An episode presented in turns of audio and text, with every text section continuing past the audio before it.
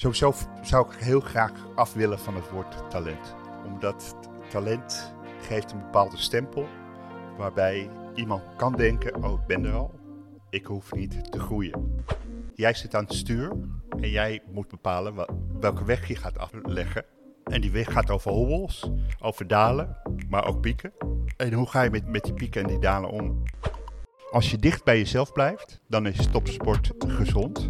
Wat het misschien ongezond maakt, is de druk van heel veel mensen. Heel belangrijk is dat je geduld moet hebben. Eh, ontwikkeling is geen sprint. Iedereen doet het op zijn eigen snelheid. Hoe kunnen we jou maximaal ondersteunen? Van hoe kunnen we jou helpen om dat te doen eh, wat je wil doen? En geef die verantwoordelijkheid. We zijn er weer. Een nieuwe aflevering en een nieuw seizoen. De aftrap van het tweede seizoen van de Dreamcode. Vol met toffe gesprekken. Vandaag ga ik in gesprek met Patrick van Brugge. Hij schreef een boek over jonge sporters, topsporters en topsportouders. Ik ben ontzettend benieuwd naar zijn kijk op ontwikkeling. Maar ook naar zijn praktijkgerelateerde ervaringen. Want wat is nou eigenlijk de beste manier om een topsporter te helpen? En hoe kan ik mij het beste opstellen als ouder ten opzichte van mijn kind? Dit en veel meer zal naar voren komen tijdens deze aflevering. En oh ja, vergeet Dreamcode niet te volgen op de socials. En blijf ook op de hoogte door ons te volgen op Spotify en andere streamingsdiensten.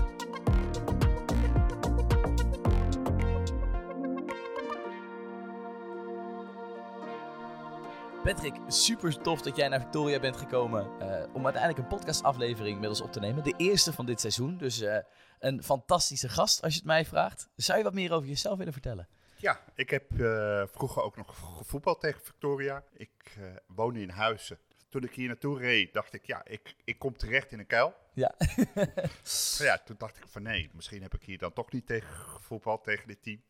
Maar uiteindelijk zei jij van, we zijn verhuisd. Eh, in Huizen altijd voetballen, elke dag op het schoolpleintje. Ook toen ik op de middelbare school zat. En snel mijn huiswerk maken, leren. En daarna naar het schoolplein om lekker te voetballen. Ik zat ook op tennis. En op school eh, deed ik altijd mee met toernooitjes. eh, basketbal, volleybal, softbal. Eigenlijk vond ik sporten gewoon hartstikke leuk. eh, zonder dat ik een droom had om iets in die sport te gaan doen. Een tijdje, toen ik een jaar of 17 ben, was, zijn we verhuisd naar Battenverdorp. Daar nog een tijdje gevoetbald bij Leinde in de hoofdklasse in Amsterdam. En vervolgens naar de hotelschool in Maastricht gegaan. Daar mijn vrouw ontmoet. Twee kinderen eh, met mijn vrouw gekregen. Een jongetje en een meisje. Een koningskoppel. Toen uiteindelijk voetbalvader geworden voetbalcoach van mijn zoon. Eh, dat ging op een gegeven moment, vond ik dat niet prettig om vader te zijn eh, en ook coach. Toen ben ik daarmee gestopt en vervolgens heb ik een andere coach ontmoet. Die zei, jij wordt mijn vaste assistent bij DCG. Dat is een eh, vereniging uit eh, Amsterdam, ook meer, Osdorp. Daar speelden we derde divisie eh, landelijk, uiteindelijk gepromoveerd naar de tweede divisie. En toen mijn oudste zoon 15 was, zei mijn vrouw: Ik heb een mailtje gestuurd naar Ajax of wij niet gastouder kunnen worden van Ajax. Want Ajax zoekt gastouders. En toen kwam er iemand van Ajax op bezoek. Die zei van, nou, we hebben over twee weken hebben wij een toernooi. Daar komen jongens van Ajax Cape Town. Eh, kunnen twee jongens bij jullie in huis. Daar kunnen jullie wennen en dan kunnen wij kijken hoe dat gaat. Wij zeiden, dat moeten we even checken met onze zoon en dochter. Hoe die er tegenover staan, want we hebben eigenlijk maar niet voldoende slaapkamers. En mijn zoon die zei, ik ga beneden op de bank liggen twee weken. Dan kunnen die twee jongens van Ajax Cape Town bij ons op de bank. Nou, het beviel ons heel goed, het gastouderschap. Het beviel Ajax goed. Dus uiteindelijk zijn wij vaste gastouder geworden van Ajax. Wat kan ik nog vertellen over mijn werk? Heel lang in de horeca gewerkt. En daarna in de zakelijke dienstverlening bij een parkeerbedrijf. Daar was ik verantwoordelijk voor de marketing en sales. En ik ondersteun ook een stukje acquisitie. eh, dat is eigenlijk eh, wat ik heb gedaan. En eigenlijk een rode draad is sport en eh, groei. Dat is een passie van me. Mooi hoe dat allemaal samenkomt. Eigenlijk, ik, ik vind die intro altijd zo super leuk, omdat je hoort hoe iemand eigenlijk vroeger een droom had of iets wilde, zich geschoold heeft, maar uiteindelijk toch voelt ook ja, dat er een interesse is wat veel meer aan hem trekt. Nou, in dit geval dus groei, ontwikkeling. Ehm, zijn, dat dan de enige raakvlakken eh, die je hebt met uiteindelijk ontwikkeling van kinderen, of heb je nog veel meer raakvlakken? Wat ik mooi vind is eh, eh, mensen zien groeien. Dus ik zei altijd tegen mijn kinderen van luister eens, de cirkel waar jullie in opgroeien is in beginsel heel klein. Want dat is tot onze tuin. En vervolgens tot de speeltuin tegenover. En jullie moeten ervoor zorgen dat die cirkel groeit. En dat betekent voor ons een stukje loslaten. En voor jullie een stukje laten zien dat wij die cirkel uh, kunnen uitbreiden voor jullie. Nou ja, dat, dat is ouderschap in de, in een notendop, denk ik. Waar heel veel ouders moeite mee hebben natuurlijk. Het, het loslaten. En dat is ook wel logisch, denk ik. Want een stukje veiligheid. Um, misschien wel een, een, hele leuke vraag dan. Uh, of misschien een interessante vraag, terugkerend op het, op het gastouderschap. Waren er dan ook ouders die het best wel moeilijk vonden om hun kind uh, los te laten? Ondanks dat jullie hele betrouwbare, fijne, veilige mensen zijn. Lijkt me dat lastig. We hadden inderdaad een gastouder die zei van ja, wat ga je dan allemaal bespreken met mijn zoon? Nou, daar zeiden van uiteindelijk zit je zoon, die zit aan het stuur. En het enige wat wij kunnen doen is een spiegel voorhouden om zijn keuzes te maximaliseren. Maar wij gaan niet zeggen, uh, we vinden het is tien uur, je hebt morgen een wedstrijd, je moet nu naar bed. Nee, we zullen aangeven dat het misschien verstandig is, maar we zijn niet de ouders. Wij moeten een thuis geven. Uh, die jongen moet zich fijn voelen bij ons. Maar we, gaan, we zitten niet op de opvoedrol. Nee, dus zo is er ook ruimte voor. Uiteindelijk zelfontplooiing en de rol die een ouder moet geven. Nou, ja. Ik ben zelf dan momenteel hoofdjeugdopleiding bij Victoria in de onderbouw. En dan heb ik wel eens lezingen naar ouders. Um, en dan vertel ik ook het verhaal uiteindelijk van ja, nee, we moeten het samen doen. Want op het moment dat ik A zeg en de ouder zegt B, uh, dan komen we uiteindelijk komen de kinderen 9 van de 10 gevallen bij B uit, want het zijn papa en mama. En dat is logisch, daar zou je ook altijd eerder naar moeten luisteren. Maar goed, die zijn dus ook ontzettend belangrijk in het ontwikkelen van sporttalent, lijkt mij.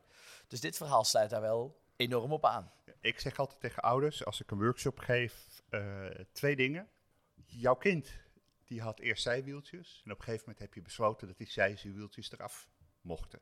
Dat kind ging vallen. Toen heb je niet besloten om die zijwieltjes meteen er weer op te zetten. Want het is een proces van vallen en opstaan. En juist als dan het kind het opeens kan, dat is een succeservaring waarvan het kind leert van luister, als ik door blijf gaan, dan kan ik me ontwikkelen onderbewust. En ik vraag aan ouders, jullie kinderen maken CITO-toets op school.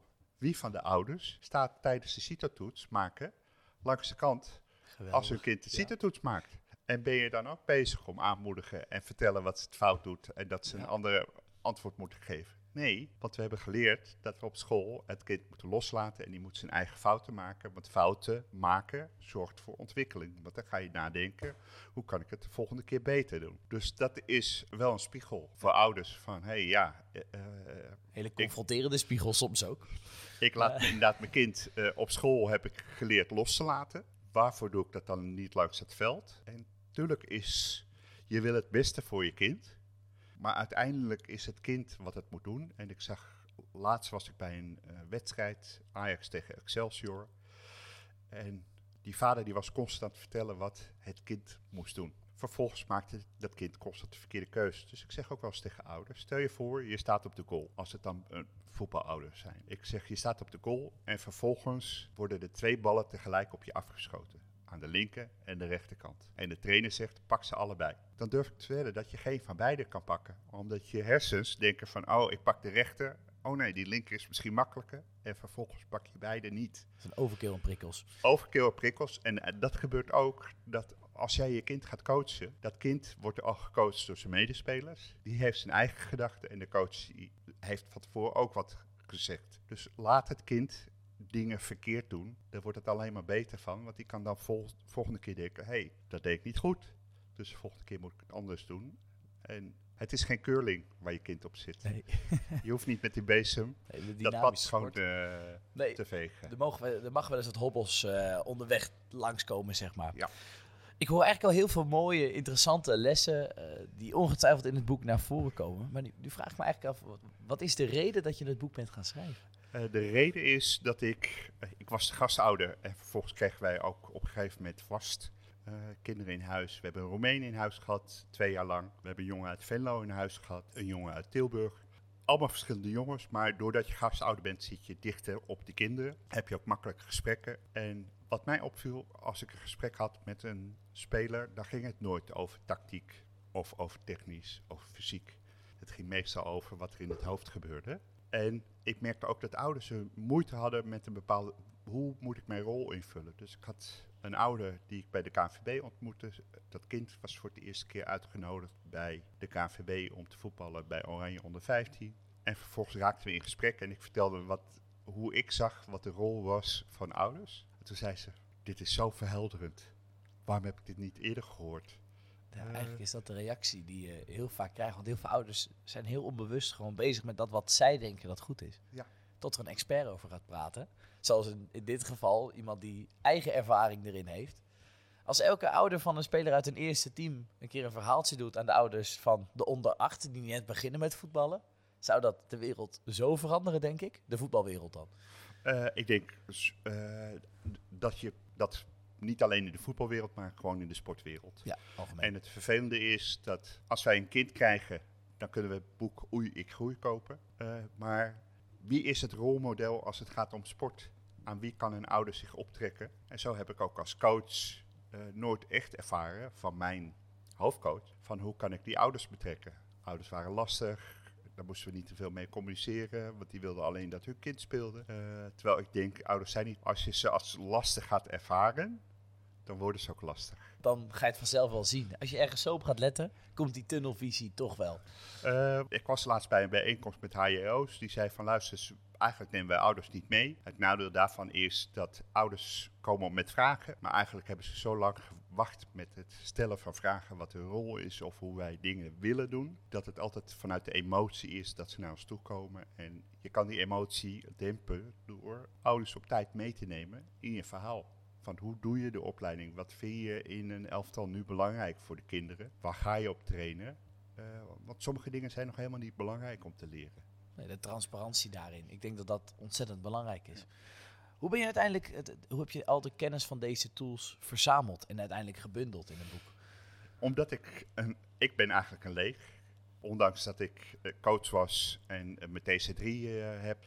Ik ben natuurlijk zelf sportouder geweest, maar op een gegeven moment dacht ik, ja, wat is dat dan, talentontwikkeling? En vervolgens ben ik verhalen gaan schrijven op LinkedIn. Heb ik heel veel gasten uit de sport heb ik, gesproken, maar ook deskundigen uit sportpsychologie. Pieter Murphy over exit type, iemand over yoga, meditatie. Dus ik heb eerst mijn kennis verbreed en ook voor mijn lezers, van wat is nou eigenlijk talentontwikkeling en wat valt daar dan allemaal onder? Vervolgens zeiden mijn lezers, het wordt tijd om een boek te schrijven. En een deel van de verhalen die ik al had gemaakt, die heb ik gebruikt voor mijn boek. Maar ik, op een gegeven moment was ik ook via Desk Research achtergekomen dat de twaalf eigenschappen van topsporters bekend waren. Dat dat een wetenschappelijk onderzoek was. Dus vervolgens heb ik dat uitgediept. Niet alleen de twaalf eigenschappen opgeschreven, maar ook uitgediept hoe je die eigen kunt maken. Plus ik was van mening dat er nog wat eigenschappen waren die toegevoegd moeten worden. Ik kwam erachter dat er ook onderzoek was wat sporters zelf willen van hun ouders. Dus ik heb diegene gevraagd van mag ik dat gebruiken voor mijn boek? Nou, met bronvermelding mocht dat natuurlijk altijd.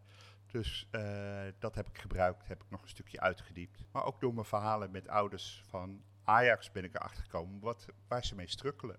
En ze strukkelen met hoe ga ik om met een puberende kind. Ik vond uh, toen ik zelf coach was grensoverschrijdend bedrag al heel erg belangrijk. Dus ik heb dat ook meegenomen in mijn boek. Van welke basisafspraken kun je maken met je kind over wanneer ze iets melden aan je als ouder. Uh, om te zorgen voor een veilige omgeving. Dat ze altijd weten, ik kan bij papa of mama kan ik dit melden. Of bij oma of oma. Want het blijkt dat kinderen dat graag liever aan een derde vertellen dan ja. aan papa en mama zelf. Ik kan je goed voorstellen. Uh, en eigenlijk mijn hele boek heb ik laten verifiëren door sportpsychologen, maar ook door andere experts in het gebied van sport. Dus gewoon de kennis eigenlijk en, en factchecken, maar tegelijk ook kennis delen, denk ik weer. Want het, het, kan het verhaal misschien soms met een kleine toevoeging ook weer versterken. Ja, en ik had ook mijn boek in eerste instantie geschreven. Een vriendin van mij, die, die vond het interessant om te lezen. En die zei tegen mij, Patrick, ik vind het heel interessant, maar ik vind het soms moeilijk leesbaar. Dus ik zeg, nou, dankjewel voor die tip. Ja, dat is dus, altijd een goede feedback. De, de dus feedback kan soms heel hard zijn, maar het kan wel werken. Klopt. Uh, dus ik heb uh, gekeken van hoe kan ik het nog versimpelen. En Jip en Janneke, zonder dat het kinderlijk wordt. Uh, en dat is mooi wat jij zei over feedback.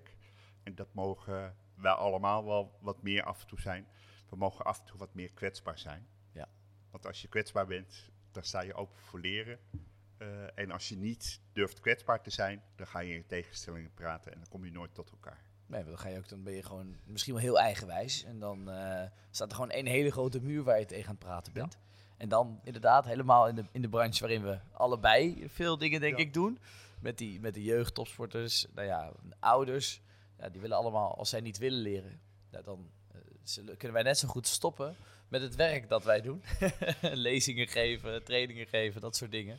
Maar, maar daar nog even op aansluiten. Ja, ja. Eh, ik heb niet de illusie dat ik al die ouders kan veranderen. Er zullen ouders zijn die zullen blijven zeggen van luister eens, de, mijn manier is de beste manier. Prima, dan blijft dat lekker volhouden. Maar ik had laatst ook een lezing eh, bij de pre-academie van eh, FC Utrecht. En er kwam een man naar me toe. Die zei, ja, ik ben die vader die veel te veel mijn zoon instrueert wat hij allemaal moet doen. Daar kwam die. Hij zegt, ja, maar nu vertel ik allemaal in de auto, geef ik hem allemaal opdrachten wat hij moet doen. Als ik dan daarmee stop, dan denkt hij misschien, papa is niet meer zo geïnteresseerd in mij.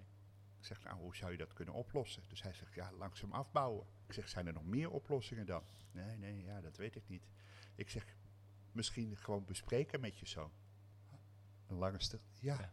eigenlijk is het heel simpel. Hele makkelijke oplossing Ja. eigenlijk. Maar dat is, dat is alles wat ik... Kinderen willen ook alleen maar transparant. Ik ben ook bijvoorbeeld dol op een, een heel, misschien een randzaak, maar wel een belangrijk onderdeel. Scheidsrechters die hardop denken. Dus die hardop vertellen wat Ja. ze zien en waarom ze een keuze maken. Want niet alleen kinderen, maar ook nou ja, mijn spelers van de onder 17. Het zijn ook nog kinderen, vinden ze nooit leuk om te horen. Maar die hebben daar ook ontzettend veel behoefte aan. Want dan krijg je geen discussie. Ja, soms natuurlijk wel. Maar dan heeft hij wel gezegd waarom hij die keuze maakt. Ja. Dus als ouder natuurlijk net zo. Wanneer jij uitlegt, ja nee, ik ga nu wat minderen met mijn eh, coaching en mijn feedback. Omdat dat meer voor de trainer is en jij dan beter zelf kan nadenken. Ja, oké, ik, ik hoest het zo op omdat ik dit ook natuurlijk al honderd keer heb lopen verkondigen. Ja. Ontzettend mooi. We hebben het nu heel veel over sport. Eh, nu vraag ik me eigenlijk af, is, zou dit boek ook geschikt zijn voor mensen die ambities buiten de sport hebben? Eh, mooi dat je het vraagt. Eh, een vriend van mij die werkt bij de Hago. Die heeft het boek gelezen en die zei van... Ah, Patrick, er komen zoveel aspecten terug die ik ook in mijn bedrijfsleven zie. Dus eh, ook voor het bedrijfsleven, als je daarin werkt als manager... dan is het een fantastisch boek, want het geeft heel veel tools, beschrijf je... die wij ook gebruiken binnen de Hago. En eh Noekie Klein heeft ook meegewerkt met het boek. En die zei eigenlijk geldt dit ook voor docenten. Van hoe kun je een kind maximaal laten ontwikkelen. Want dat staat allemaal in het boek. Dat is eigenlijk ook letterlijk waar de Dreamcode over gaat. Want we willen het hebben over dromen. Hoe ontwikkel je die dromen? Maar ook ik als persoon lees heel vaak boeken uit het bedrijfsleven wat niks met sport te maken heeft. En dan leg ik die link daar ook weer tussen. Ja. Dat, dat maakt ook sportboeken weer heel toegankelijk, denk ik, voor mensen uit het bedrijfsleven. Het heeft best wel veel raakvlakken volgens mij. Ehm, maar we gaan, we gaan nu naar eigenlijk het eerste zeer inhoudelijke onderwerp. We hebben de voorgeschiedenis van alles nu gehad. Ehm, en ik ben eigenlijk heel benieuwd naar nou ja, het ontstaan van talent en dan de fundamenten. Daar wil ik het nu even over gaan hebben. Uit welke factoren vind jij dat talent bestaat? Talent bestaat eh, uit aanleg, uit leervermogen en de omgeving is belangrijk. En dan begin ik met aanleg. Sowieso zou ik heel graag af willen van het woord talent. Omdat talent geeft een bepaalde stempel waarbij iemand kan denken, oh ik ben er al, ik hoef niet te groeien. Plus, als je een talent bent en je maakt een fout, ben je dan nog wel een talent. Dus wat gaan talenten doen? die gaan eigenlijk blijven ze in een comfortzone en doen alleen maar dingen die ze al heel goed kunnen doen. Eigenlijk stokt dan de ontwikkeling. Je moet denk ik wel een bepaalde aanleg hebben en vervolgens is het aan jou om je verder te ontwikkelen door het middel van eh, het absorberen van trainingen en ook jezelf durven uit te dagen. Dus ben je rechtsbenig, durf maar met links op de goal te schieten. En dat zal eerst niet goed gaan, maar uiteindelijk zul je merken dat je steeds beter wordt. En het leuke was van school, van het pleintjesvoetbal. Stel je voor dat het ene partij veel beter was dan de andere. Dan zeiden we van ja, de partij die voor staat mag alleen met de slechte been nog maar voetballen. Dus je werd gedwongen om eh, ja, jezelf te ontwikkelen. Het moest wel. Het moest. Ja, Dat, dat was de afspraak om die andere partij meer kans te geven om weer terug te komen in de partij. Eh, en eigenlijk onbewust waren we bezig met daardoor onszelf te ontwikkelen. Maar wat natuurlijk niet helpt als een kind aan het voetballen is en zich probeert te ontwikkelen en er staat een coach langs de kant die zegt, oh, zit er de doos nog om je schoenen? Eh, praat ik Chinees tegen jullie? Eh, nee, Of die dooddoeners. Die, Ja. ja. of eh, wat ben je aan het doen?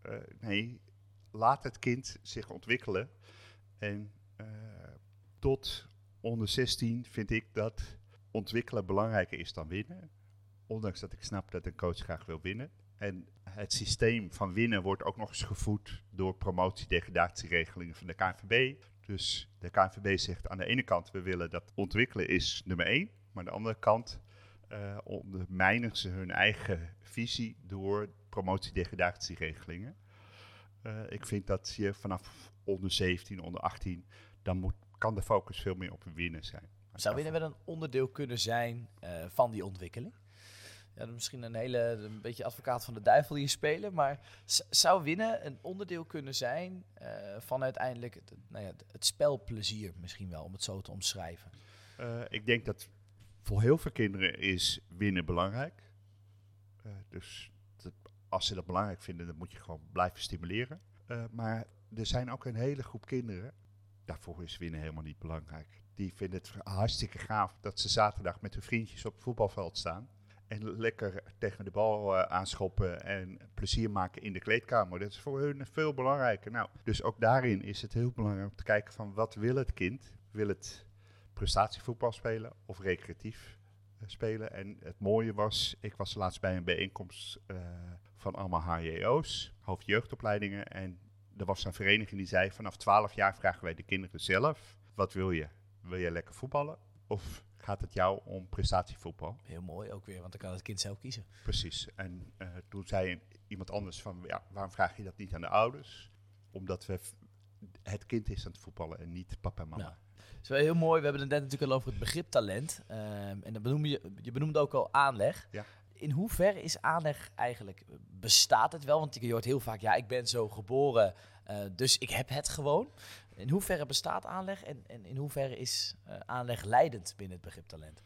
Als we het op, op voetbal concentreren, mijn tweede gastkind werd bestempeld als talent. En op een gegeven moment zeiden ze ook van ja, we vinden dat je je niet verder goed ontwikkelt. En vervolgens kwamen we erachter dat hij dacht, ik ben een talent, dus ik hoef niet hard te werken.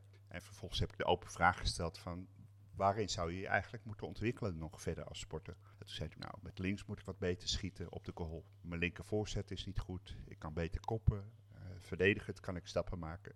Dus toen zei ik, ja, je zei toen net, ik ben talent, ik hoef niet hard te werken. Hoe komt het dan dat die elementen die jij nu allemaal noemt, dat je uh, daar niet in ontwikkelt? Dus hij snapte toen van, oké, ik moet ervoor werken om te zorgen dat ik blijf groeien. En daarom zeggen ze ook wel eens dat uh, de grootste talenten, die halen het vaak niet, omdat ze teren op hun talent. De mensen met aanleg en die heel veel leervermogen hebben en de juiste omgeving en heel veel moeite in willen doen om te slagen, die halen de topvoetbal. Dus Masroei was eigenlijk altijd een voetballer waar ze over getwijfeld werd. Maar die had wel aanleg, die had misschien minder talent, maar uiteindelijk door zijn werkethiek is hij zo ver gekomen als dat hij nu is. Maar dan kunnen we eigenlijk in deze wel heel erg stellen dat, dat leervermogen misschien wel een veel leidender onderdeel is van talent slash ontwikkeling. want je zei net ook al dat je van het woord af wilde, want het is...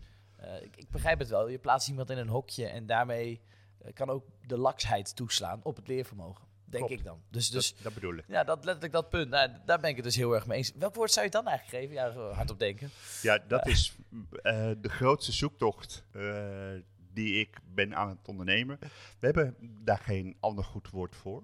Plus, maar naast leervermogen is ook uh, de omgeving heel erg belangrijk. Dus hoe word je ondersteund door je ouders, maar ook door de coach? En hoe zorgt de omgeving ervoor dat jouw intrinsieke motivatie geprikkeld blijft om te groeien? Uh, dus ik heb geen ander mooi woord voor talent. Ik heb nog een woord waar ik een hekel aan heb. Dat is fouten maken, omdat dat iets negatiefs is. En ik zie het als iets positiefs. Uh, je mag het eruit knippen hoor, maar toen net ging er wat fout met de eerste opname. Ja. en uiteindelijk ga je die fout daarna nooit meer klopt, maken. Klopt. Dus uh, ook dat is weer uh, leervermogen. We hebben het net over kwetsbaar opstellen. Dus ja. bij deze, ik, ik laat het er ook gewoon in. Want dat hoort er ook gewoon bij. Juist daardoor ik denk volgende keer wel twee keer na met mijn instellingen van mijn programma. Hè, dat ik zorg dat er twee microfoons openstaan en niet één. En dat zijn inderdaad wel de dingen, herken je bij spelers, maar ook weer in elke, in elke business is het zo. Want, want nu heb ik een leermomentje. Hè, als we hem zo mooi omdenkend kunnen noemen. Dat is misschien ook een stukje mindset uh, waar je het dan over hebt. Maar daar zoomen we zo nog wel op in, want daar kunnen we ook uren over, uh, over praten. Nou, ik, uh, laat jullie luisteraars heel even naar een intro luisteren. Deze komt nu tussendoor. En dan gaan wij naar het eerste Dream Item. Vanaf dit seizoen in de Dreamcode Dream Items. Stellingen, inspiraties, lessen en meer. We kennen het allemaal wel. Van die lastige dilemma's waarover je eeuwig kan twijfelen. Elke aflevering leg ik vijf van dit soort stellingen voor aan een expert. Vandaag is dit Patrick van Brugge. We zijn weer terug in Hilversum uh, bij Victoria. We zitten nog steeds met Patrick en wij gaan ons opmaken voor de Dream Item stellingen. Uh, laten we lekker meteen beginnen met de eerste stelling. Uh, dat is stelling 1. De coachende ouder langs de lijn draagt bij aan ontwikkeling. Daar kan ik volmondig nee op zeggen. Omdat uh, het is niet de coach of de taak van de ouder om te coachen. En daar heb ik een heel mooi voorbeeld bij, die ik ook altijd in mijn workshops gebruik. Ik was na een wedstrijd bij Ajax, zei ik tegen een speler, waarom besloot je om nog twee keer die bal af te geven en waarom schoot je niet zelf op de goal? Vervolgens zei mama, zie je nou wel, je moet vaak op de goal zelf schieten, dat zeg ik toch altijd. En toen zei het kind de legendarische woorden, mama, jij moet alleen maar mama zijn. Wow. En dat vond ik zo mooi. Ja, nee, maar dat, dat is eigenlijk, kinderen zijn zo puur, zo eerlijk, zeggen altijd waar het op staat. Nou, laten we meteen naar de tweede stelling gaan. Misschien op een heel ander gebied. Als ik op mijn zeventiende, na tien jaar ongeveer, wissel van turnen naar hockey, kan ik alsnog een topsporter worden? Daar geloof ik heilig in. Omdat je bij turnen zorgt voor motorisch goed bewegen. Dat is belangrijk in de, in de topsport. Dus ik denk dat je, als je vaardig bent in hockey, dat je altijd nog die topsporter kan worden. Andersom gaat het niet werken, heb ik begrepen. Want sommige sporten hebben een bepaalde fundament nodig die je vroeg aanleert. Dus uh, turnen is zo'n sport waarbij je heel vroeg moet beginnen om je die vaardigheden eigen te maken. Heeft dat te maken met de ontwikkeling van het, het lichaam op bepaalde leeftijden? Dat heeft te maken met uh, speciale vaardigheden die je moet uh, leren. En die constant gerepeteerd moeten worden, omdat het een eendimensionale sport is. Waar je constant verfijning moet hebben in de uitvoering van de opdracht. Terwijl hockey is een keuzesport, is veel dynamischer uh, en kun je later mee beginnen. En ik heb ook in mijn boek staat een, uh, of ik had een topsporter gesproken, die is met zijn 23ste begonnen uiteindelijk met marathonlopen. En uiteindelijk heeft hij heel snel stappen gemaakt. Dus als die aanleg er is, en je hebt dat motorisch vermogen, heb je meegekregen vanuit je jeugd, dan kan je altijd nog stappen naar boven heel snel maken. Ja, dat is dus eigenlijk het breed motorisch ontwikkelen daarin. Ja, uh, superbelangrijk. Derde stelling, hebben we het net misschien al een klein beetje over gehad, maar mindset is het allerbelangrijkste onderdeel van ontwikkeling. Ik denk dat mindset onwijs belangrijk is, naast dat je natuurlijk ook de technische en de tactische en de fysieke vaardigheden hebt. Ik sprak een keer een sporter om een voorbeeld te geven. Daarvan zei ik van, ik vond dat je, die was centrale verdediger, vond dat je deze wedstrijd heel veel de 2, de 5, de 4 in, in speelde. Ik zag minder risico's. Normaal gesproken speel je tussen de linies. En vervolgens zei hij tegen mij: Ja, maar mijn trainer had van tevoren gezegd, toen ik het veld in kwam, ik wil dat je minder foute passes geeft. Dus vervolgens heeft dat geresulteerd in passes geven die iedereen kan geven. Terwijl zijn toegevoegde waarde eigenlijk is tussen de linies spelen. Uh, een risicoloze speler eigenlijk op dat moment. Op dat moment door uh, iets waarvan een coach misschien denkt het is onschuldig wat ik zeg. Maar die speler die ervaart het heel anders. En omdat hij het negatief vertaalt, gaat hij risicomijdend gedrag. En komt hij niet in zijn eigen spel. Dus dat ze voort, als hij gewoon denkt, joh, uh, boeien wat de coach heeft gezegd, ik speel mijn eigen spel, dan had hij beter gespeeld. Dus mindset is heel erg belangrijk en dit is een klein voorbeeldje daarbij. Nou, aansluitend daarop uh, hebben we het ook al over gehad, aanleg. Zonder aanleg kan je alsnog topsporter worden. Ik denk dat je altijd een beetje aanleg uh, nodig hebt, maar ze zeggen wel dat aanleg uiteindelijk talent kan verslaan. Gaan we naar de laatste. Een, een beetje algemeen, maar um, liedje voor kinderen voor kinderen ook. Je kan worden wat je wil. Ik denk dat je je kan ontwikkelen naar je top wat je kunt. Dus je kan niet altijd worden wat je wil. uh, mooi, mooi. In de jeugd willen heel veel mensen prinses worden. Nou, er zijn ja. weinig prinsessen in ja, Nederland. dat klopt. Dan moet je, daar heb je, moet je, soms heb je ook gewoon geluk nodig. Ja. Hè? Dat blijft ook nog een factor, denk ik. Helemaal als je ook naar topsport kijkt. En het leuke is dat uh, ik spreek ook topsporters die eerst een hele andere sport hebben gedaan, per ongeluk in aanraking kwamen met de sport waar ze heel goed in waren. Dus soms speelt ook een geluk een rol in de ontwikkeling en in je carrière.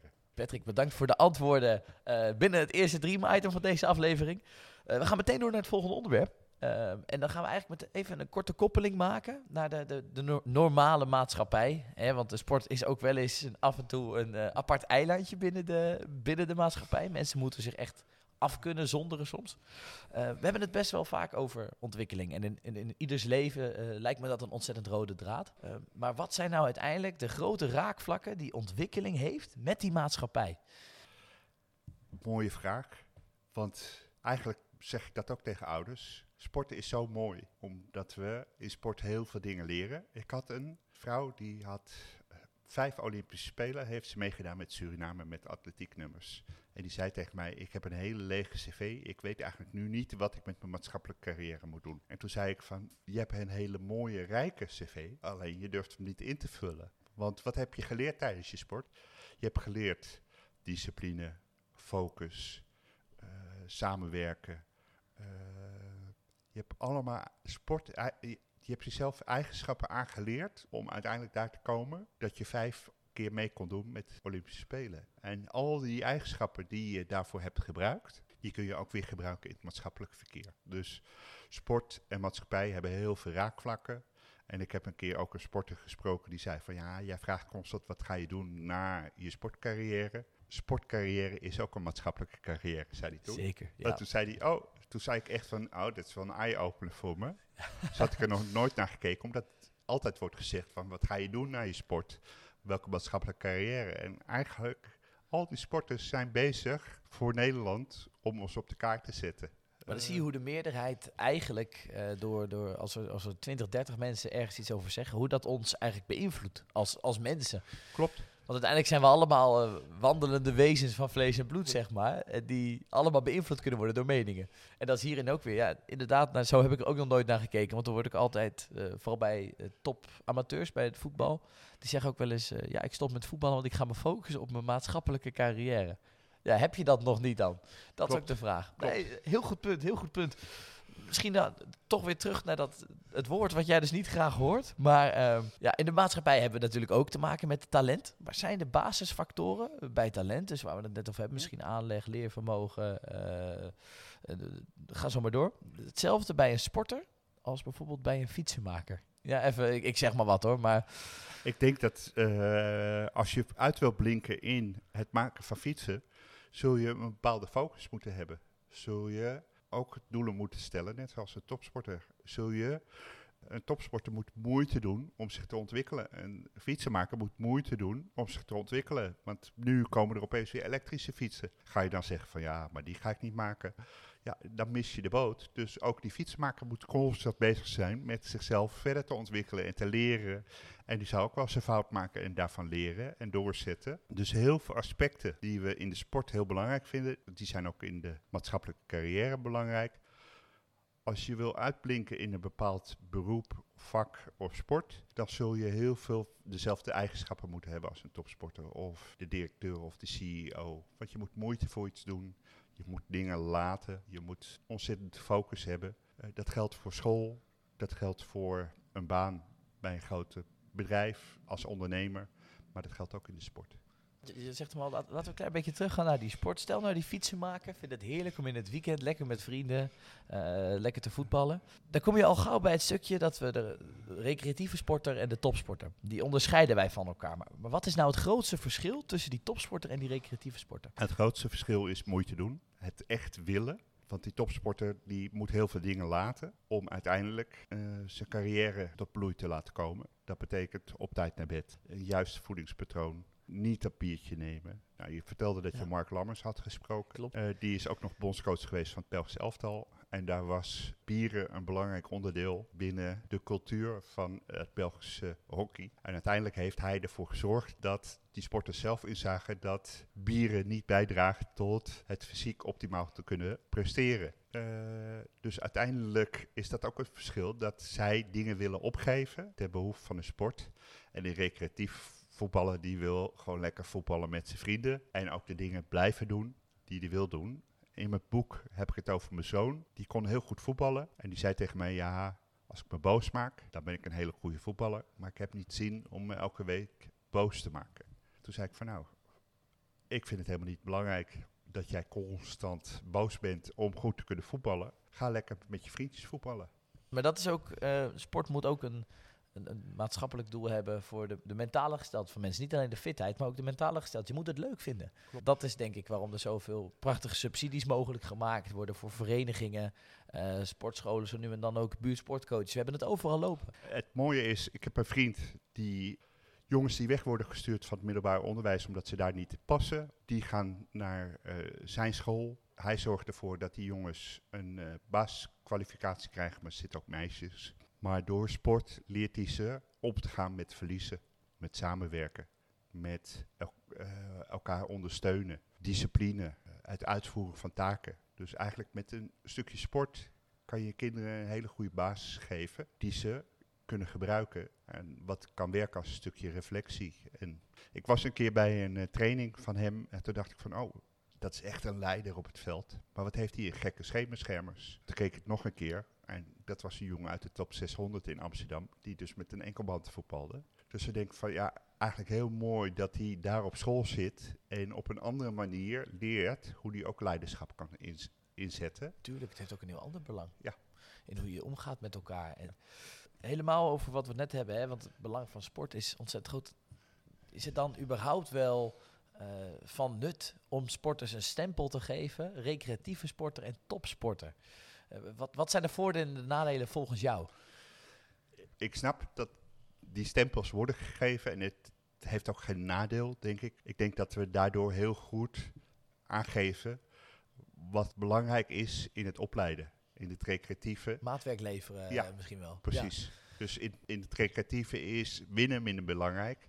In het prestatie is winnen heel erg belangrijk. In het recreatieve is perfect iets kunnen doen minder belangrijk. En in prestatievoetbal is dat steeds belangrijker hoe hoog je komt. Dus daardoor zijn die stempels wel, geven heel duidelijk aan dat er andere leerdoelen zijn en een ander einddoel. En het, ik denk dat als dingen helder zijn, dat je ook minder ruis krijgt. Dat is wel mooi, want in verbinding met dat, dat maatwerk, daarop verder gaat. In het boek heb je het ook over het LTAD-model. Kan je daar meer over vertellen? Ja, uh, dat gebruiken heel veel bonden. En dat wil eigenlijk zeggen dat het een st stukje opleiding faciliteert van hoe je dat moet inrichten. Er bestaan uh, eigenlijk zes fasen binnen dat LTAD-model. Uh, en de eerste fase is van 0 tot 6. En ik zou eigenlijk er naartoe willen dat die schoolpleinen weer zonder rubbertegels worden ge gelegd. Laat je kind lekker die grens opzoeken. En laat het kind vallen en opstaan en leren zijn grenzen te verleggen. Uh, daar hoort vallen en opstaan bij. En ook leren dat vallen soms pijn doet. Zeker. Ja, want als vallen geen pijn doet, ga je het ook niet voorkomen dat je nee, valt. Nee, precies. Dan uh, gaat je lichaam zich er ook niet op aanpassen. Nee, We zijn geboren aanpassen als mensen. Ja. Dan vervolgens heb je van 6 tot 9 heb je de funfase. Daarin is plezier gewoon heel erg belangrijk. Zorg dat kinderen het leuk vinden om naar een training te gaan. Zorg dat ze het leuk vinden om samen met vriendjes te spelen. En er wordt een fundament gelegd voor je verder doorontwikkelen. En in die fase is ook motorisch ontwikkelen heel erg belangrijk. Heel veel BVO's, betaald voetbalorganisaties, beginnen heel vroeg hun jeugdopleidingen. Omdat ze zeggen van heel veel kinderen zijn bewegingsarm. En juist om ze heel vroeg bij onze club te halen, kunnen we zorgen dat ze motorisch optimaal zichzelf kunnen ontwikkelen. Dan vervolgens heb je in die fase, tweede fase, heb je ook van 9 tot 12, ga je de nadruk meer leggen op het inzicht krijgen in het spel, techniek en coördinatie. Dan vervolgens komen kinderen naar hun, de derde fase, die ligt tussen 11 en 16. Dat is de groeifase. Daar is fysieke belasting wordt hoger en hoger. Dus dat is belangrijk binnen trainen. Conditionele prikkels en dat soort zaken. Binnen die leeftijdscategorie aan het eind 15 tot 16, dan gaan sporters eigenlijk de keuze maken van wil ik topsport of recreatief sporten. Dan krijg je vervolgens uh, het trainen voor hoog niveau. Dat is van 15 tot en met 18. Dan ga je wedstrijdgericht trainen, leren wat je zelf wel en niet moet doen. En vervolgens de laatste fase is de fase voor trainen voor winst. En eigenlijk heeft het LTAD nog een fase. Dat is levenslang lekker sporten, omdat het onbelangrijk is. Heb je dat mooie verschil weer daarin? Waar we het net over hebben. Voor iedereen is dat levenslang lekker sporten van levensbelang. Ja, ja en eigenlijk zou, maar dan kom ik op politieke vlak, eigenlijk zou contributie gratis moeten zijn. Ik denk dat het budget voor gezondheidszorg veel lager wordt als we mensen vrij kunnen sporten.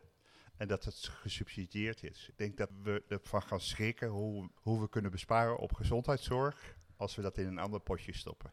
Heel kort nog terug naar die recreatieve uh, sporters en de topsporters. Zou een recreatieve sporter ook een topsporter kunnen worden? Ja. Oké, en waar zit dat hem in? Nu ben ik heel benieuwd, want ik vind deze fantastisch. Dat is het voorbeeld uh, van een jongen die uh, ik heb gesproken. Tot zijn zeventiende.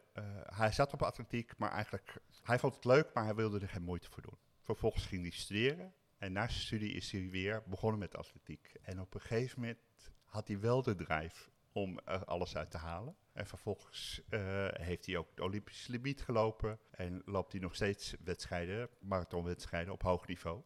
Dus het kan altijd. Als we kijken naar Kane, dat was een laadbloeier. Ja, mooi voorbeeld, zeker. Uh, dat, hij speelde natuurlijk toen al in die, bij Spurs, maar het duurde heel lang voordat hij doorbrak. Dries Mertens is ook iemand die heel lang erover heeft gedaan om uiteindelijk die stap naar het hoogste niveau te doen. Hetzelfde geldt voor Dumfries. Die speelde in de top van het amateurvoetbal. En uiteindelijk heeft iemand het aangedurfd om hem de stap te laten maken naar een BVO. Komen we dus terug naar die voorbeelden, uh, een beetje in de beeldspraak. Maar vallen en opstaan. Juist wat je eigenlijk op het schoolplein al leert, kun je meenemen naar de rest van je leven door te vallen. Kun je ook in je carrière eh, gebruiken, alleen dan niet door fysiek te vallen, hè, maar mentaal. Ja. Nou, luisteraars, wij gaan ons opmaken voor het tweede dream item, de lijst van. Luister rustig met me mee. Inspire to get inspired. Iedereen heeft wel een voorbeeld van iets wat hem of haar inspireert. Want wie of wat inspireerde jou eigenlijk? Tijdens dit Dream Item vragen wij onze gast wat zijn grote inspiraties zijn geweest. Welkom terug allemaal. Jullie luisteren naar de lijst van Patrick van Brugge. Ik heb net al uitgelegd hoe dit concept in zijn werk gaat. Uh, we gaan het als volgt doen. Ik geef uh, vier vragen en dat gaat over uh, boeken, personen, misschien nog overige zaken waar de Patrick ooit geïnspireerd is geraakt of wat van heeft geleerd. Ehm, laten we gewoon lekker snel beginnen. Niet al te veel praten. We gaan naar de eerste vraag. Welk boek heeft jou het meest geïnspireerd? Misschien heel gek, maar dat is de aanslag. Uh, dat, gaat over, dat gaat over de oorlog uh, en hoe mensen wel of niet kiezen om een bepaalde rol te nemen of niet. En hoe het verleden soms blijft hangen naar het heden. Ja, ik, ik vind dit soort dingen altijd heel mooi. we hebben het net over de maatschappij natuurlijk. Dan zie je ineens, we, je hebt zelf dan een boek over sport geschreven. Maar wat doet er nou echt toe in de wereld? Maar hoe passen mensen zich daarop aan? Hoe handelen ze daarin? Ik kan heel goed begrijpen dat dat een mega inspiratie is uh, voor, de, voor de hedendaagse maatschappij. Als je kijkt hoeveel boeken er nu ook geschreven worden door uh, voormalig mensen bij Defensie. Ja, geweldig. Ja. Echt geweldig. De tweede vraag. Uh, welke documentaire, programma of film heeft jou het meest geïnspireerd? Ja, wat ik. Ik vind sowieso. Dit een hartstikke mooie film. The Boy in the Striped Pyjama. Het gaat over een kind van een SS'er en een uh, Joods kind wat in het kamp zit. En die twee worden vrienden. En vervolgens wisselen ze van rol. En vervolgens komt die zoon uh, van die SS'er, die heeft dus die pyjama aan. En vervolgens worden de mensen naar uh, de gaskamer zo. gebracht. Dus ook die zoon van die SS'er wordt vergast. En uh, die SS'er die ziet op vlak voordat die mensen in de gaskamer zitten, dat zijn zoon van rol heeft verwisseld met een jongen uit het kamp. Ja, en het proces is onomkeerbaar. Uh, dus keihard uh, dat hij zijn eigen kind vergast. Maar ook dat heel confronterend. Maar ook dat kinderen elkaar gewoon zien als kind. Ja. Ja, ja. die denken uh, er niet over na. Precies. En die zijn gewoon straight, eerlijk, open naar elkaar. En die zien geen verschillen. Want die worden, als zij mensen tegenover elkaar zetten, of dat wordt gemaakt. Je bent niet zo als kind. Want je staat open voor de ander. Je hebt een open mind. En uiteindelijk uh, heel veel gif wordt door de omgeving aan dat kind geleerd. Ja, het wordt eigenlijk gevoed soms, denk ik dan. Ja. ja, op een verkeerde manier. Ja, giftig gevoed. Ja. Nee, inderdaad, nu je het zegt, ik heb er zelf nog nooit zo naar gekeken, maar inderdaad, wat voor kinderen je ook naast elkaar zet, uit welke wijken ook. Uh, al heb je een kind die het heel breed is en een kind die het minder breed heeft. Ze zien elkaar gewoon als kind alleen maar spelen, dat is het. En het mooie is, ze gaan ook respect voor elkaar hebben van, uh, of in ieder geval dat rijke kind ziet hoe ook het arme kind leeft. En gaat daarover nadenken van hé, hey, hoe goed heb ik het? En hoe oneerlijk is het? En hoe mooi dat ik wel die faciliteiten heb. En wat kan ik misschien bijdragen dat de ander het beter heeft. Ja. Echt uh, fantastisch mooi. Ja, de, de, heb je ook een persoon die jou het meest heeft geïnspireerd? Ja, twee mensen hebben mij heel erg geïnspireerd. Dat zijn mijn beide kinderen, omdat ik daarvan kon zien dat ze groeiden. Ondanks dat het soms onwijs lastig was, want ik, mijn zoon die zat op een hbo en die zei vervolgens na een stage van drie dagen, ik stop met mijn stage, want ik leer niks. Toen dacht ik, ja, maar zo ben ik niet opgevoed. Ik ben opgevoed doorzetten, kom op, niet meteen opgeven. Dus mijn hele lichaam zei, niet doen, doorgaan. Maar ik zei tegen hem, het is jouw keuze. Als je het niet goed voelt, moet je op zoek gaan naar een andere stage. En uiteindelijk heeft die nieuwe stage heel veel, hem heel veel nieuwe inzichten gegeven en heeft hem heel veel geleerd. Plus uh, een andere familie. Ik had het net over de aanslag. Naast heel veel buitenspelen had ik één goede vriend in de huizen. Daar was ik ook heel veel bij de familie van Velsen. En die vader die was ook leraar Nederlands. En die zei tegen mij van ga eens een boek lezen. En eigenlijk het eerste boek was de aanslag die hij mij gaf. Dus daar heb ik heel veel dingen geleerd. Ja, ben je meteen gevormd, misschien ook wel in een bepaalde visie. Zij hebben mij ook voor een deel gevormd. Wauw, ja, supermooi, supermooi. Nou ja, misschien vergeten we dingen. Zijn er dingen eh, waarvan jij zegt, ja, dit wil ik nog wel even benoemen als inspiratie? Verder ben ik natuurlijk geïnspireerd door alle gesprekken die ik heb gehad voor, voor LinkedIn, voor mijn blogs. Maar ook als ik een workshop heb en ik krijg vragen van ouders. Ik leer daar zoveel van. Dus ik denk dat je een leven lang kunt leren. En als je open staat voor leren en geïnspireerd raken, dan blijf je, ondanks ik ben nu 56, ik blijf elke dag nog leren. Supermooi. Nou, dit zijn eigenlijk misschien wel voor jou tools geweest om te worden wie je nu bent. Uh, laten we heel kort een beetje inzoomen op, op tools voor sporters om zich uiteindelijk verder te ontwikkelen. Dan gaan we weer even terug naar gewoon het, nou ja, de, de, huidige podcastaflevering. We stappen dus weer even uit het dream item. Want er zijn heel veel sporters met, met mega grote dromen. Maar hoe ga je deze uiteindelijk laten uitkomen? En, ja, wat is het eerste wat jij dan zegt daarop? Uh, het eerste wat ik zeg is, jij zit aan het stuur en jij moet bepalen welke weg je gaat afleggen. En die weg gaat over hobbels, over dalen, maar ook pieken. En hoe ga je met, met die pieken en die dalen om?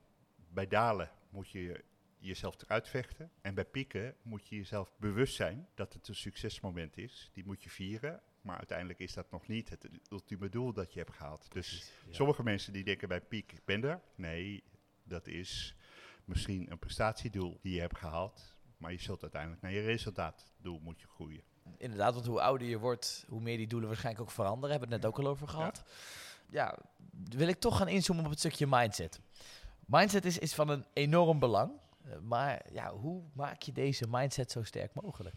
Eigenlijk heb je daar ook een heel mooi boek van. Dat gaat over groeimindset. Dat is uh, iemand die ook bij AZ werkt. Bart uh, Heuging heet hij uit mijn hoofd gezegd. Ja, ja Bart Heuving. Ja, ik, uh... Heuving. Dus uh, je hebt een fixed mindset en je hebt een groeimindset. Bij fixed mindset blijf je in je comfortzone. En bij een groeimindset wil je je ontwikkelen. Dat betekent dat je een mindset hebt dat je elke dag fouten wil maken. Dat je uit je comfortzone gaat. Dat je andere mensen ook succes gunt. Dat je kijkt hoe je jezelf nog beter kunt maken. Je zit zelf aan het stuur. Je gaat kijken van, oké, wat kan ik nog doen uh, in voeding, in slaap, in extra oefeningen om mezelf te ontwikkelen. Kijk naar Alvarez. Die werd eerst, zei ze op het middenveld, hij is niet goed aan de bal. Hij werd helemaal vergruisd, werd hij. Helemaal vergruisd, ja. en uiteindelijk heeft hij, doordat hij elke keer na de training nog een kwartier bleef oefenen met Richard Witsen, heeft hij zijn balvaardigheden heeft hij ontwikkeld. En daarin heeft hij ook wel eens gefaald en fouten gemaakt. Of liep het niet meteen lekker, maar dat is groeimindset. Toffe koppeling om op die mindset te maken zijn misschien wel de vele topsporters die je hebt gesproken uh, voor je boek. Wat, wat zijn de verhalen die het meest zijn bijgebleven? En tuurlijk, daarvoor moeten de luisteraars ook het boek luisteren. Maar, maar, wat viel je op aan al die mensen? Uh, lees je natuurlijk. Ja. uh, dat iedereen die heeft zijn eigen verhaal. Uh, wat ik mooi vond in Ron Zwerver is dat hij zei in de jeugd vond ik het al gaaf. Om elke dag als ik naar school liep, dan liep ik langs bomen. En elke dag wou ik die bomen, die takken, wou ik aanraken. En elke keer wilde ik dat hoger.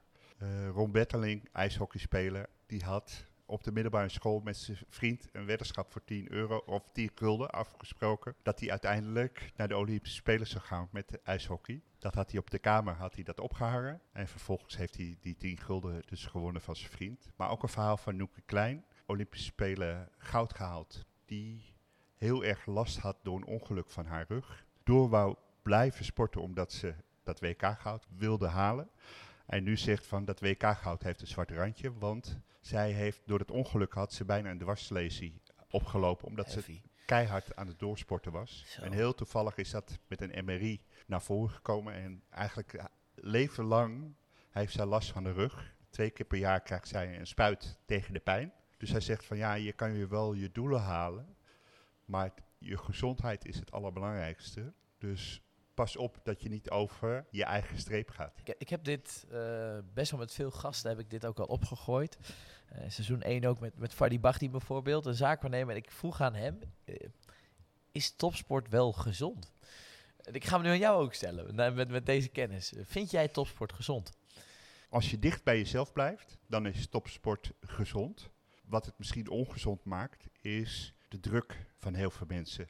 Onbewust dat we liever op tv steeds negatief over sport praten, wat ze niet goed hebben gedaan. Dat kan een, een last geven. Ik denk dat het veel mooier is als wij in de, in de pers ook aandacht hebben voor, wat we hebben nu aandacht voor succes, dat zien we, maar heb ook wat meer aandacht voor de weg die sporters hebben afgelegd. Ik had een heel mooi, die staat ook in het boek, MNA-vechter. Die was alleen maar bezig met winnen. En eigenlijk, ze zei achteraf, door ons gesprek heb ik geleerd dat de reis ook heel erg belangrijk is. Dat als ik de dingen op die reis heel goed doe, dan komt het resultaat vanzelf. Dus ik had minder focus op het resultaat, maar meer op de reis. En uiteindelijk heb ik mijn profgevecht gewonnen in Portugal. En kan ik doorgaan met die reis mooi vinden, waardoor ik optimaal geniet. Genieten is zo belangrijk. En ik denk dat het is alleen gezond als je geniet van je eigen reis ja, daarvoor ben je er ooit aan begonnen, lijkt mij. Anders stap je ook niet achter dat stuur. Je begint uiteindelijk volgens mij met de wil omdat je iets leuk vindt. Ja, maar het vervelende is dat je, als je topsporters spreekt, dat ze pas achteraf terugkijken en denken, oh, dat was heel erg mooi. Ja. Uh, en op momentum heel vaak vergeten welke mooie momenten ze meemaken. Dus... Uh, kan heel confronterend zijn uiteindelijk, maar ja, je, je ziet dan, als je een beetje geluk hebt, heb je Olympische Spelen meegedaan en dan krijg je het allemaal nog in beelden terug. Maar dan nog het moment zelf ga je nooit meer herbeleven.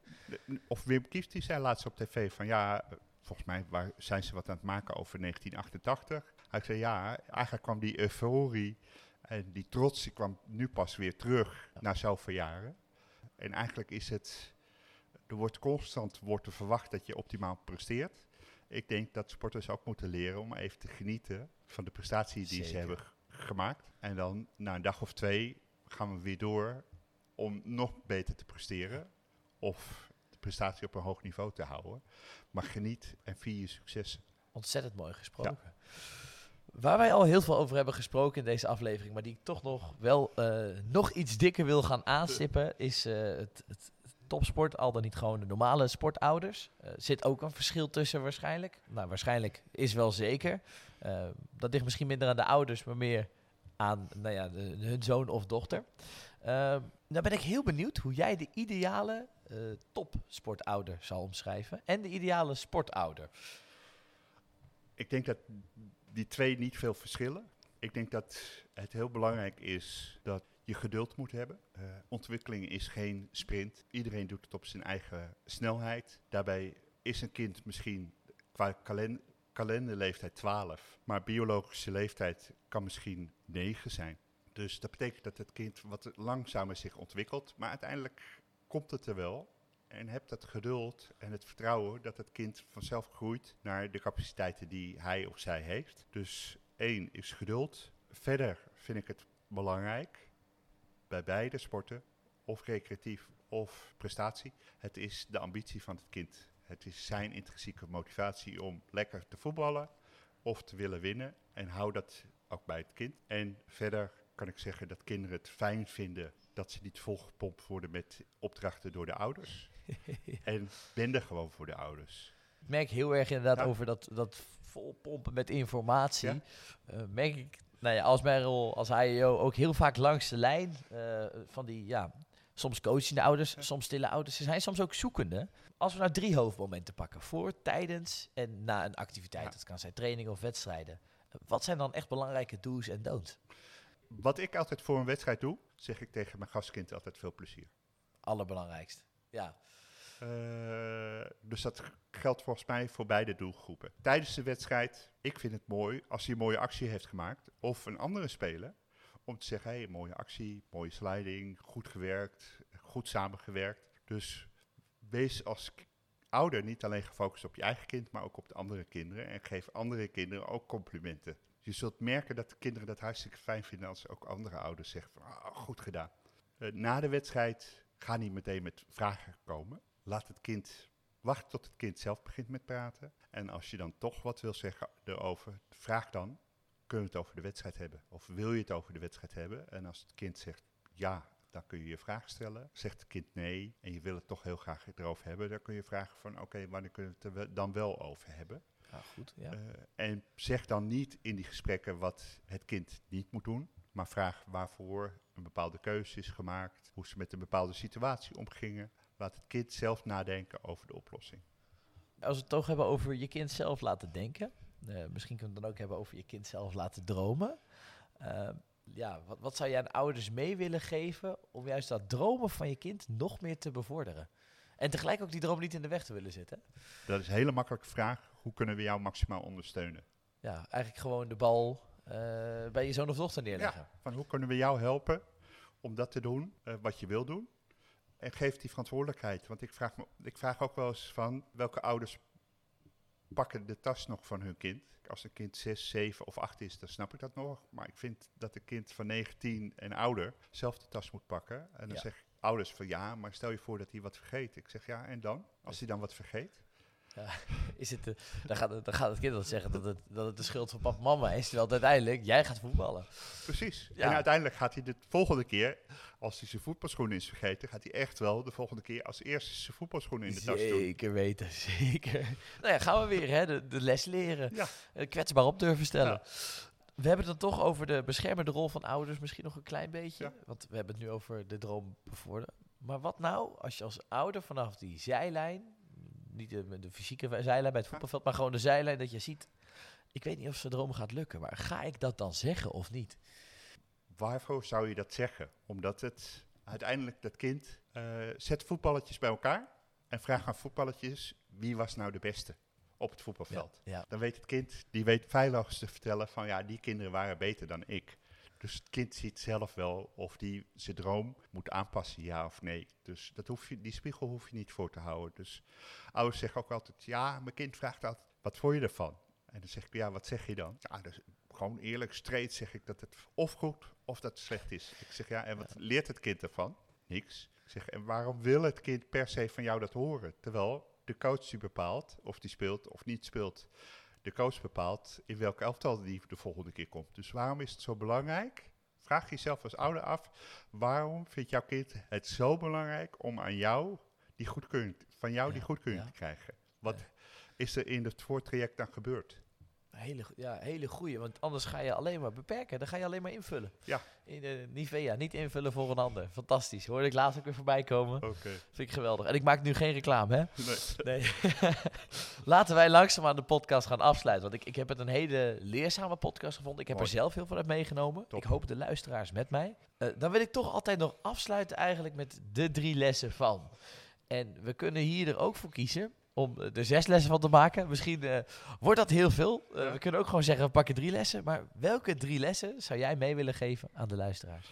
Uh, voor sporters zou ik zeggen, jij zit aan het stuur. Ja, ja. Dus fix alles wat je wil zelf. twee is geloof in jezelf. En drie is heb soms scheid aan wat de coach en trainer zegt. Ja. Die heeft ook zijn eigen belang. Jouw ontwikkeling is belangrijker soms dan het teamresultaat. Aan ouders heb ik de drie tips. Durf los te laten, ondanks dat het super eng is. Twee, laat kinderen vroeg zelf keuzes maken. Geweldig. Want zij moeten eh, die verantwoordelijkheid leren dragen voor hun eigen keuzes. En drie, is bender voor je kind. Patrick, ontzettend bedankt. Uh, ik wilde. Ja, ik vond het fantastisch dit zo. Ik wil de luisteraars graag nog even doorverwijzen, want wij gaan nog een boek, een zeer waarschijnlijk een gesigneerd exemplaar van Patrick weggeven. Ik zal hem er even bij pakken voor de mensen die meekijken. Uh, dit boek hebben we het over, waar we de hele tijd over praten. Daarvoor verwijs ik jullie door naar de socials, de Dreamcode, um, op Instagram en op Facebook. En daarop is veel meer info te vinden over hoe je dit boek kan winnen. Tot de volgende keer. Patrick, bedankt. Bedankt voor het luisteren. Bedankt Stijn.